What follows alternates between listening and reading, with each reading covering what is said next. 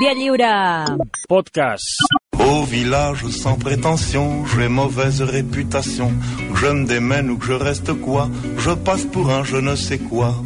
Je ne fais pourtant de tort à personne en suivant mon chemin de petit bonhomme. 20 minuts i les 11 en punt del matí. Eh, per cert, que dijous estava mirant la tele al vespre i de cop eh, vaig sentir aquesta sintonia i vaig pensar, mira, en, en, el Brassens a, a TV3, però no, hi sortien els execrables. Veus, era això. Repassant la història ens adonem que sí, majoritàriament els ídols han sigut homes.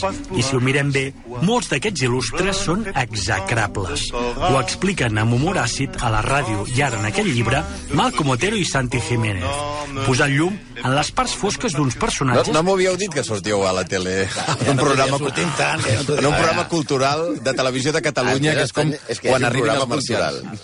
I després que ens busquin a Ens nosaltres. van trucar un programa cultural, eh? Sí, sí, sí, sí. Ja podem alliberar el, Ara ja us aturen a pel la carrer. família del presentador. ja.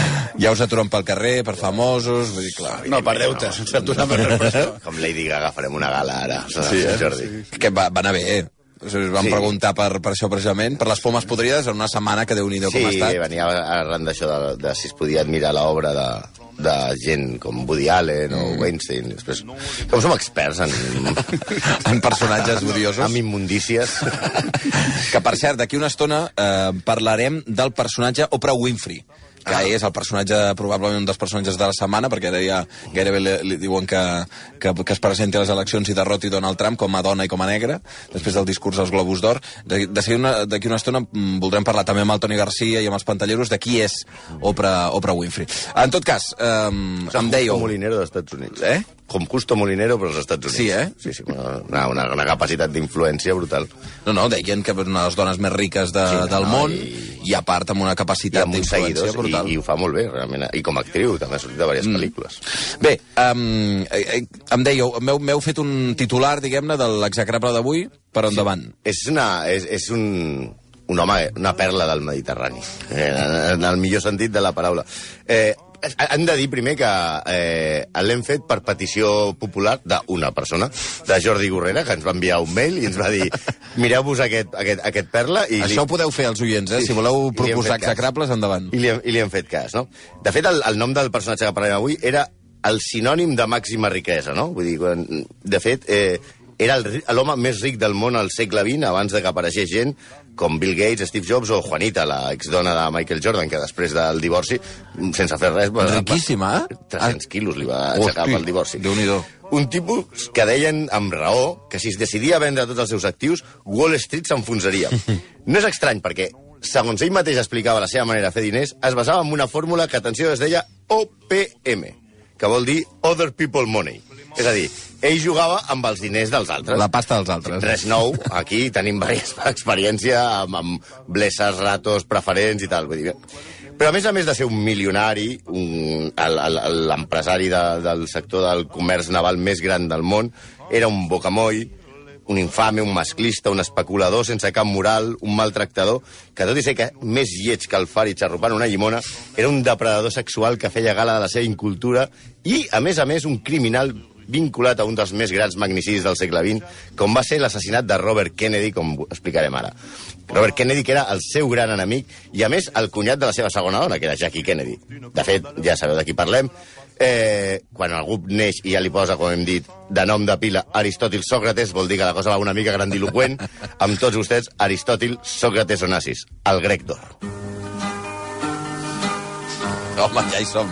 Hombre, m'encanta. Ara... Anunci d'Andros, no?, que era això? Sí, bueno, però, però l'escena aquesta final de Zorba amb Anthony Quinn... Vinga, amb aquell ball... És boníssima. Sí, la, la història de d'Onassis és la, la típica del self-made man. Un tio feia ell mateix, que acaba milionari partint de fill de milionari. Toma self-made man. Pues no te vas a ver. ¿Usted cómo empezó? Director general. ¿Y de qué? De- ¿Cómo llegó a director general? De hijo de director general. Va, néixer a Esmira, actual Turquia, però quan era petit va estar una de les 18.753 guerres que han enfrontat al llarg de la història els turcs i els grecs. I no, pels de l'ESO no parlem de la Final Four de bàsquet. Això anava en sèrio. Era Notoe Guerra. sempre. Otto de Guerres. El seu pare, que era un comerciant sui generis, el que ara anomenaríem un contrabandista, va voler, va voler jugar a, les, a dues cartes a la guerra. Però finalment va triar malament el bàndol a última hora i va haver de fugir, cames, ajudeu-me, amb una mà davant i una altra al darrere. Devia de fer moltes coses dolentes perquè no es va quedar gaire a prop ni de Grècia ni de Turquia. Va posar mar pel mig i va emigrar amb tota la família a Argentina. Allà arriba la família Onassis, i Ari, que és com li deien a, a casa, a, no li deien... A, perquè deien, Sócrates Aristóteles, cómete la sopa, no. Era Ari. Ari. Ari. Ari, com li deien, va començar a treballar de tot, des de baix, perquè els seus pares s'havien arruïnat, com dèiem. Va fer de grum d'hotel, de telefonista, i amb les seves dots de persuasió i el seu facte pels negocis, va començar a guanyar una miqueta de diners, que ell inverteix en un apartament a Avenida Corrientes de Buenos Aires, una zona benestant, i en comprar-se vestits elegants. Ell va fer creure a tothom, en aparença, que era ric, però de veritat vivia com un pobre, vivia al, al, al terrat d'Avenida Corrientes, amb un apartament minúscul, però ell volia donar la, la, la imatge per, per fer aquests negocis de dia. De nit, ell treballava de telefonista, concretament a la borsa, on escoltava punxant allò de operadora, póngame con la policia, Sí. és allò d'anar penjant la, les clavijas, ell sentia com els corredors de bolsa es passaven eh, informació Oh. confidencial. Oh. Què feia ell? Amb els pocs estalvis que tenia, tenia una informació privilegiada per poder jugar a la borsa. I va començar allò a tacita, tacita. Es va fer un sou Nescafé. Hòstia, boníssim. que als 25 anys ja havia guanyat el seu primer milió de dòlars. Apreneu. Inútil. I qui no, i qui no. Però clar, això, Punxant informació privilegiada allà de telefonista, boníssim. però això, el que no ens enganyem, eh, amb això només no, no, no pots prosperar fins al nivell que ho va fer ell. Així que va optar per una via molt més directa i que sempre va donar molt bon resultat. La bragueta. Ah. Onassis, que ja hem dit que era baixet, lleig i miop, Hem penjat una foto abans al, al Twitter. si era una mena de Jerry Lewis, eh, o a, barreja entre el Jerry Lewis i el professor Grillat. Va, va, va entabanar a Atina Mary Libanos, la filla d'un altre armador multimilionari dedicat, com dim, al al comerç marítim. El gendre eh, es va fer càrrec de l'empresa i va començar a forrar-se. Val dir com a detall que va liar-se amb la Atina quan ella tenia només 15 anys. Una altra de la carn poc feta. Sí, sí. carn porfe- porfeta. I va haver d'esperar-se una mica per casar-se a la catedral ortodoxa de Nova York. Sí, va esperar un any, perquè 15 anys no podia, però amb 16 anys ja es va casar, ell, amb, amb Matina. Fidel al seu lema que hem dit que era l'OPM, l'Other People Money, va començar a expandir la flota de vaixells del seu sogre comprant petroliers com si fossin melons. La idea era que els vaixells portessin mm, bandera de Panamà. Això se li acudeix amb ella, si, si, si veieu els ports del món. Dius, per què porten bandera de Panamà? Això, el primer que ho va parir va ser Onassis, Ah, per estalviar-se permisos, mateix. impostos i eh, número de tripulants i, i mesures de seguretat. Eh, un de la people aquesta d'Other Money que li posava la molla, aleshores era Reinier de Mònaco. Curiosament, el rei o príncep d'un- territori que tampoc, es, diguem-ne, que es caracteritza per la seva mm, duresa fiscal. No, correcte. No, els barcos de la flota eren gairebé banyeres sense cap seguretat perquè ell es dedicava a comprar ferralla naval que l'exèrcit dels Estats Units descartava.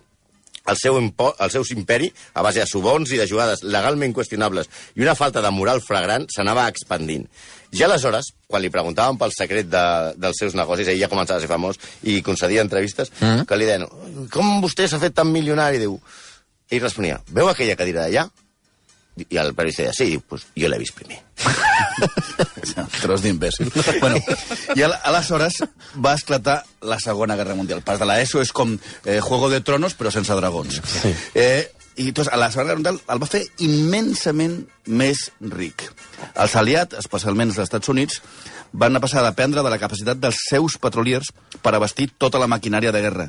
I ell va, va traslladar la base als Estats Units, on, on es va fer clarament l'amo de Wall Street. Sí, però mm, no podia deixar d'evitar aquesta manera de fer negocis una mica al marge de la llei. De fet, eh, ja només arriba als Estats Units, va ser investigat per l'FBI per un frau al govern nord-americà.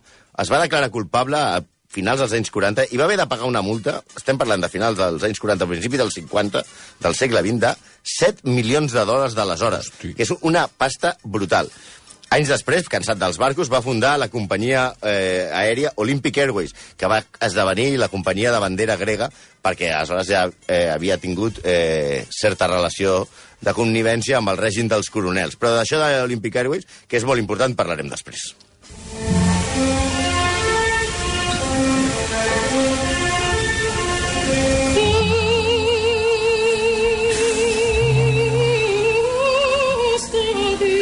que bé, Maria Calas, oi? Sí, anem, anem, anem no a la cosa que interessa, que és el rotllo Sálvame, ¿no? Terrible.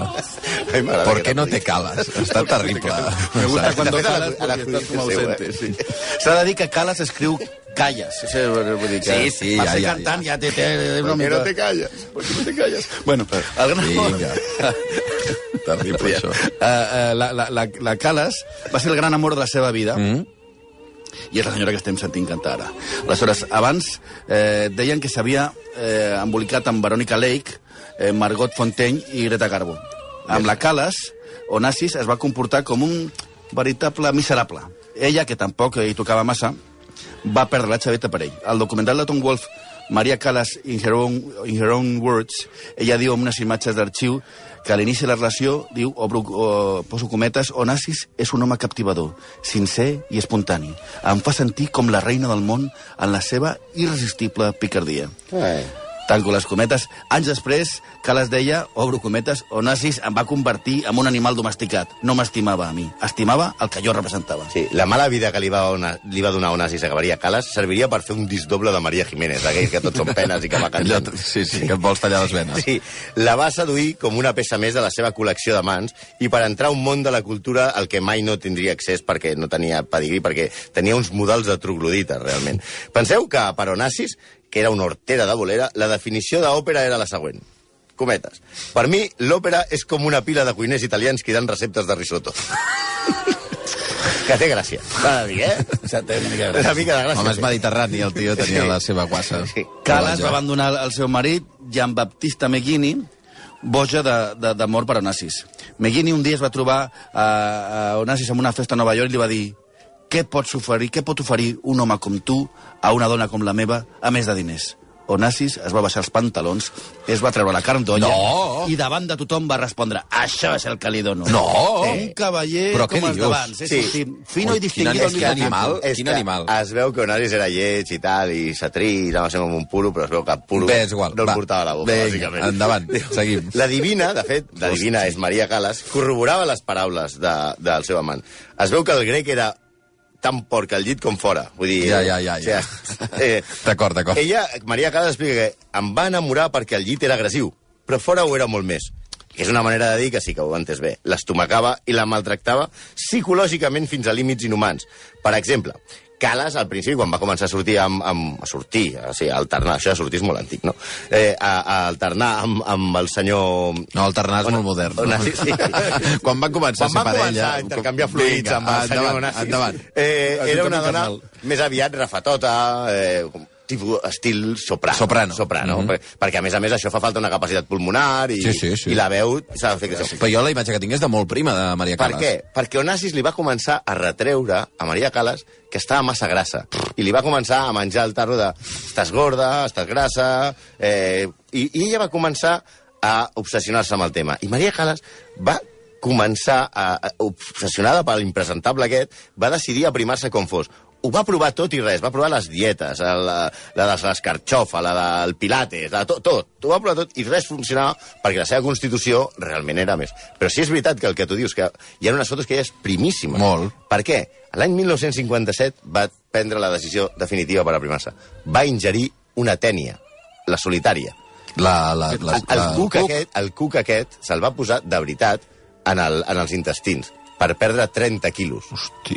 Imagineu-vos el que estava disposat a fer per amor aquesta dona per, a, per aquest impresentable. Sí, clar, li va fer perdre 30 quilos i la veu. Clar, I què penseu sense- que va dir el milionari en una discussió? Qui ets tu? Res.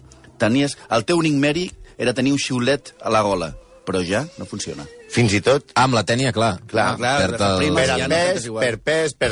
Home, i a més a més, és una, eh, és És una, un una praxis de, de mala salut. Sí, sí. Després te, te la treuen, que no t'explicaré com la treuen. No, no cal, no cal, Però... no cal, és igual. I És un, abans... got, és un got de llet, aquestes coses Sí, que sí, diuen. sí. sí. Va. I, I estirant. Bueno, i, Però, malgrat tot, ella seguia amb ell i fins i tot es va quedar embarassada d'Onassis. La reacció d'Onassis, quan va conèixer la notícia, va ser d'allò més romàntica.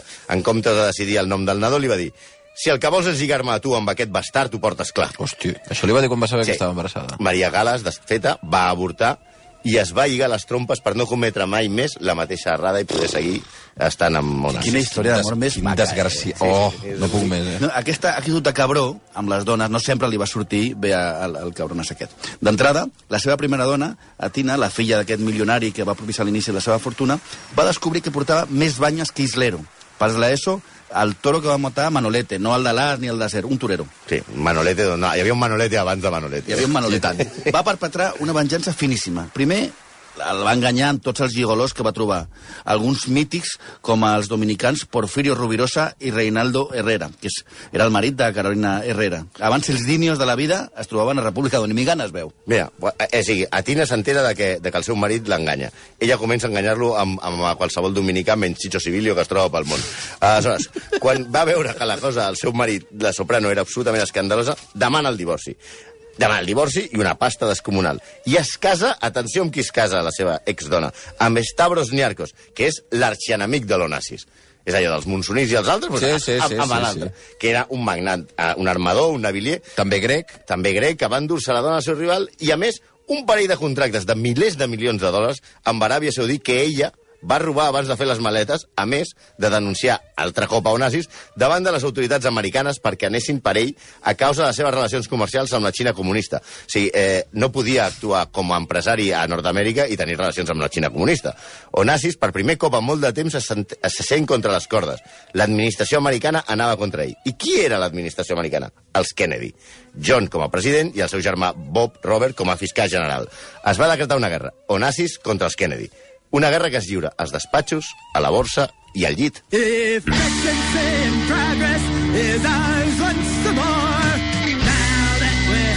posem els Kennedys perquè sempre m'agrada posar els dit Kennedys. Dead Kennedys. Sí, perquè m'encanta. Clar, però lluny d'anar lluny d'anar obertament a la guerra contra la família reial americana, Onassis es va fer enrotllat. Va començar a muntar festes al seu fastuo, fastuós iot Cristina i a la illa d'Escorpios, que s'havia comprat per viure sol en plan dolent d'una pel·li de James Bond. Mm. Quan JFK i, Jack, i Jackie Kennedy van tenir un fill que es va morir al poc de néixer, Onassis va oferir-se als Kennedy la seva illa per recuperar-se del trauma. Tenia un únic objectiu, calçar-se a Jackie Kennedy No fotis. dona de, de, de, de JFK, ja, i amant sí. del seu germà Bobby. Sembla, això, ja sé que tot això sembla Dallas, però realment el que va passar. Kennedy, que no era imbècil, i d'aquestes coses en sabia molt, Sí. va dir a un dels seus col·laboradors no deixis que Onassis, aquest pirata internacional, s'apropi a la meva dona. Abans, però, la cosa fins i tot és molt més interessant, sí, és molt més Dallas. Perquè Onassis, abans de liar-se amb, amb Jackie, es lia amb Lee, la germana de Jackie. És a dir, la cunyada del president. Oi, oi, oi, oi. Per fer-ho ràpid, us ho explicaré ràpid, ho farem ràpid. Al final es carreguen a JFK, a Sí. l'atemptat de Dallas, i aleshores quan torna a aparèixer Onassis, en plan amic de la família, per consolar a Jackie, que li, que li diu... Eh, vine, tens por, els nens, tal, vine a la illa d'Escorpios, jo te consolaré i tal. I es comença a liar amb ella. Però clar, tenia un problema, s'estava tirant a la germana de Jackie. La Lee. Clar, a la qual parla amb ella i li diu Lee, eh, què vols? No, puc, no pots explicar-li a la teva germana que estem liats perquè ara em vull liar a la teva germana. Com arriben? Li paga un milió de dòlars. I ja està, i, i ella calla. Quan Bobby s'assabenta, li va dir, va anar a, Robert, que es queda, se'n va a veure una i diu, però tu què coi et penses? Què estàs fent amb, amb, amb la meva cunyada i amb la meva altra cunyada? I Aristòteles Onassis li respon, el teu germà i tu estàveu cruspint-vos a la reina del cinema, per Marilyn Monroe. Tinc proves, i tu deixa'm en pau amb la meva princesa o ho passaràs malament. Ui. Sí, el cas és que després de l'assassinat de JFK, Jackie està entre liar-se amb el germà del seu marit assassinat i arruïnar la carrera presidencial o bé optar per la pasta Onassis. No s'ho pensa dues vegades. Onassis, que abandona a Maria Callas d'immediat i de mala manera, i que torna a per ser en una, a una depressió, a les seves paraules, va ser com rebre un cop al cap, horrible. Ara miro de sobreviure. Per ell vaig abandonar per ell vaig abandonar una carrera increïble. Prego a Déu perquè m'ajudi a superar aquest moment. Això és la Calas, eh? Mm. Però no sap on es fica. Jackie és una psicòpata pitjor que ell. Qui, la Jackie Kennedy? Sí, Ah, sí, sí. sí, sí. Per, per fer-vos una, una idea, el lema de Jacqueline Bouvier era el primer cop et cases per amor, Mhm. per amor. el segon per diners, i el tercer per la companyia. Mira. Onassi era el seu segon marit i el tio més ric del món. Quedava clar l'ordre de prioritats. Sí, el nivell de vida de Jackie Kennedy, quan es va convertir en Jacqueline Bouvier Onassis, Sí? eh, sí, fins i tot estem parlant del tio més ric del món, eh? Mm. Pues el tio gairebé no arribava a fi de mes, el que arribava a gastar. Es van casar a l'illa d'Escorpios i ell es va quedar a viure allà. En teoria, per seguretat dels nens i tot. Però els, els capricis de Jacqueline van arribar a posar en perill l'economia, com deien, d'un tipus tan forrat. Per exemple, cada dia Jacqueline Bouvier es feia portar el pa per esmorzar en avió d'un forn que hi havia a, a, una, a, a Atenes, que era el que li agradava, perquè la, el que feien a la illa d'Escorpios no li agradava. No li acabava de fer el I pes. cada matí hi havia una avioneta que anava a buscar-li el pa. Diu, vaig a buscar el pa, en avió, per exemple. Jackie, a més, no suportava a, a, a, a Onassis, estava amb ells per diners, però, clar, eh, Onassis li va regalar com a anell de compromís un padrot de 40 quilats que l'any 96 va ser subestat per 3 milions de dòlars. I ell, en plan machirulo, va muntar un pla per humiliar-la perquè estava ja cansadíssim de que aquesta es fonés tots els seus diners en compres. A... Surto de compres, on vas? A París. quan, quan tornaràs? El mes que ve. Diu, collons. Sí, aquest plan machirulo, què és? Va tornar a liar-se amb Maria Calas, que pobreta va tornar al seu costat enamorada Ai, com una vedella. Sí, pobra Maria, Pobra Maria Calas. I ella va Oh. fer fotos amb la Divina per tots els teatres del món i en públic es referia a la seva dona amb el bonic apel·latiu de la vídua. Sí, sí, la, la vídua l'ha deixat Clar, ara. la vídua Oi, de, oi, Kennedy, oi, oi, oi. quan no li deia que era capritxosa, ambiciosa i interessada. Estaven fets un per l'altre. Sí, També sí. va avisar a 10 fotògrafs al lloc on es banyava eh, despullada Jackie, a la illa de- de d'Escorpios, per tal de que la fotografiessin. La vídua del president d'Estats Units despullada. I el cabron va cobrar per l'exclusiva. Home, tu diràs. Clar, i només volia humiliar-la. Però ella, que tampoc, tampoc, anava, tampoc es mocava amb mitja màniga, eh? no es quedava enrere. En aquella època, el fill d'Onassis, amb amb 23 anys, Alexandros, va tenir un accident d'avioneta i, va, i, i gairebé mort. O sigui, bueno, va acabar morint, però va estar una setmana eh, com un vegetal connectat amb un respirador mm -hmm. i eh, intentant sobreviure amb, amb una agonia molt lamentable. No? La dona Alexandros va estar els 5 dies d'agonia del seu marit al seu costat. Jackie un dia es va apropar a l'hospital, suposem que li devia agafar el camí de París, de, de la Place Vendôme, i va anar a consolar-la amb unes paraules molt tendres. Li va dir a la dona de- d'Alexandros mentre estava el seu marit a punt de morir. Em sap molt greu el que us ha passat. Per cert, saps que estic pensant divorciar-me d'Ari per la pudor que puro que fa? Saps quan em podria tocar? Gràcies. Això és delicadesa. Iau, a l'hospital, això, eh? Y, no se, y no se vayan todavía, que aún hay más. Es van divorciar després de que la filla d'Ari, Cristina, que aquesta té un, un execrable pendent, eh? Cristina Onassis. Sí, sí, sí, és farem que una, aquesta, sí, sí. aquesta és una altra cosa, però vamos. mantingués una això famosa pelea de perres amb Jackie regatejant l'herència que ell, quan la van pagar va dir té això, és diner brut te l'has guanyat a pols i aleshores és quan Onassis li va confessar a Ari Helen, la seva darrera amant quan estava a punt de morir, va morir que ell va ser el que va pagar els assassins de Bobby Kennedy Oh. Increïble, sí. Eh, en, entre cometes, la, la frase exacta d'Anais és jo vaig donar els diners per matar Bobby. Abans o després algú es carregaria aquell cabró i ho vaig fer jo. Bé, la cosa no és descabellada. Segons el llibre de Peter Evans, que era el, el, el biògraf de, de, de Onassis, que, eh, que es va escriure un llibre que es diu Nemesis, la veritable història d'Onassis, l'assassí de Bobby Kennedy va ser Shirham Sirham, un palestí a sou de Mahmoud Hamshari, exterrorista del Fatah, que Onassis tenia contractat per ser el cap de seguretat d'Olympic Airways. Per això hem dit que ho de la, la, ho de la companyia aèria tenia el seu interès. Sí. Ell era l'època en el que la OLP, el Fatah, Septiembre Negro, aquestes organitzacions palestines dels anys 70, es dedicaven a eh, segrestar avions, Avions, constantment. mm, sí. A Olympic Airways mai el segrestaven un avió. Per què? Perquè el cap de seguretat era... Era de- era Ell palestí. li, li pagava 3 milions de dòlars com una mena de eh, impost revolucionari perquè no fossin segrestats. Anys després, Hamsari, era, que, és a dir, el cap de seguretat d'Olympic Airways, va ser un dels membres del comando de Setembre Negre que va tentar la Vila Olímpica de Múnich durant els Jocs del 72. Hosti. Onassis era perfectament conscient que els diners que pagava el seu cap de seguretat eren el finançament del grup que al final va atemptar contra, Contra Bobby Kennedy. Bobby Kennedy. Sí, sí. I De, de fet, Peter Evans, que va escriure la biografia d'Onassis perquè el nostre amic John Paul Getty li va recomanar i presentar, assegura que un dia la filla d'Onassis, Cristina, li va confirmar, obro cometes, el meu pare va tenir alguna cosa a veure amb l'assassinat de Robert Kennedy. Finalment, el 1975, Onassis moria a causa d'una pneumonia provocada per tots els puros que es va fumar. Llavors Feia- tenia raó, la Els puros no. Sí. Feia pudor de puro. Feia Això molta pudor, puro, Són els puros. El seu biògraf oficial, el senyor Evans, el va definir en el- en el- en el- en el- en l'obituari que va fer com un psicòpata encantador de serps que no va estimar mai cap dona. Un maltractador que depenia exclusivament de la seva imatge, diners i poder per viure. déu nhi Tu. Però no tenia res de bo, aquest senyor Lonassis, al final. Bueno, pasta. Pasta, pasta. Això sí. Bueno, i és un self-made man, perquè és veritat que era fill d'or ric, però, va, va haver de, Pues de trampejar-ho com va poder. Mira. Hosti, tu, quin desgraciat. Pobra Maria Calas, eh? Oi, oi, oi, oi, pobreta. Es va morir al Onassis, dius, al 75, eh? 75. Déu-n'hi-do. 11 i 4 minuts, execrables. Moltes gràcies. A eh? vosaltres. A vosaltres. Tout le monde viendra me voir pendu, sauf les aveugles, bien entendu.